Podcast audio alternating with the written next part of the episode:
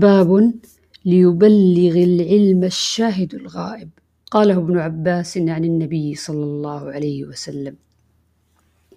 وعن أبي شريح أنه قال لعمرو بن سعيد وهو يبعث البعوث إلى مكة إذا لي أيها الأمير أحدثك قولا قام به النبي صلى الله عليه وسلم الغد من يوم الفتح سمعته أذناي ووعاه قلبي وأبصرته عيناي حين تكلم به حمد الله وأثنى عليه ثم قال إن مكة حرمها الله ولم يحرمها الناس فلا يحل لامرئ يؤمن بالله واليوم الآخر أن يسفك بها دما ولا يعضد بها شجرة فإن أحد ترخص لقتال رسول الله صلى الله عليه وسلم فيها فقولوا إن الله قد أذن لرسوله ولم يأذن لكم وإنما أذن لي فيها ساعة من نهار.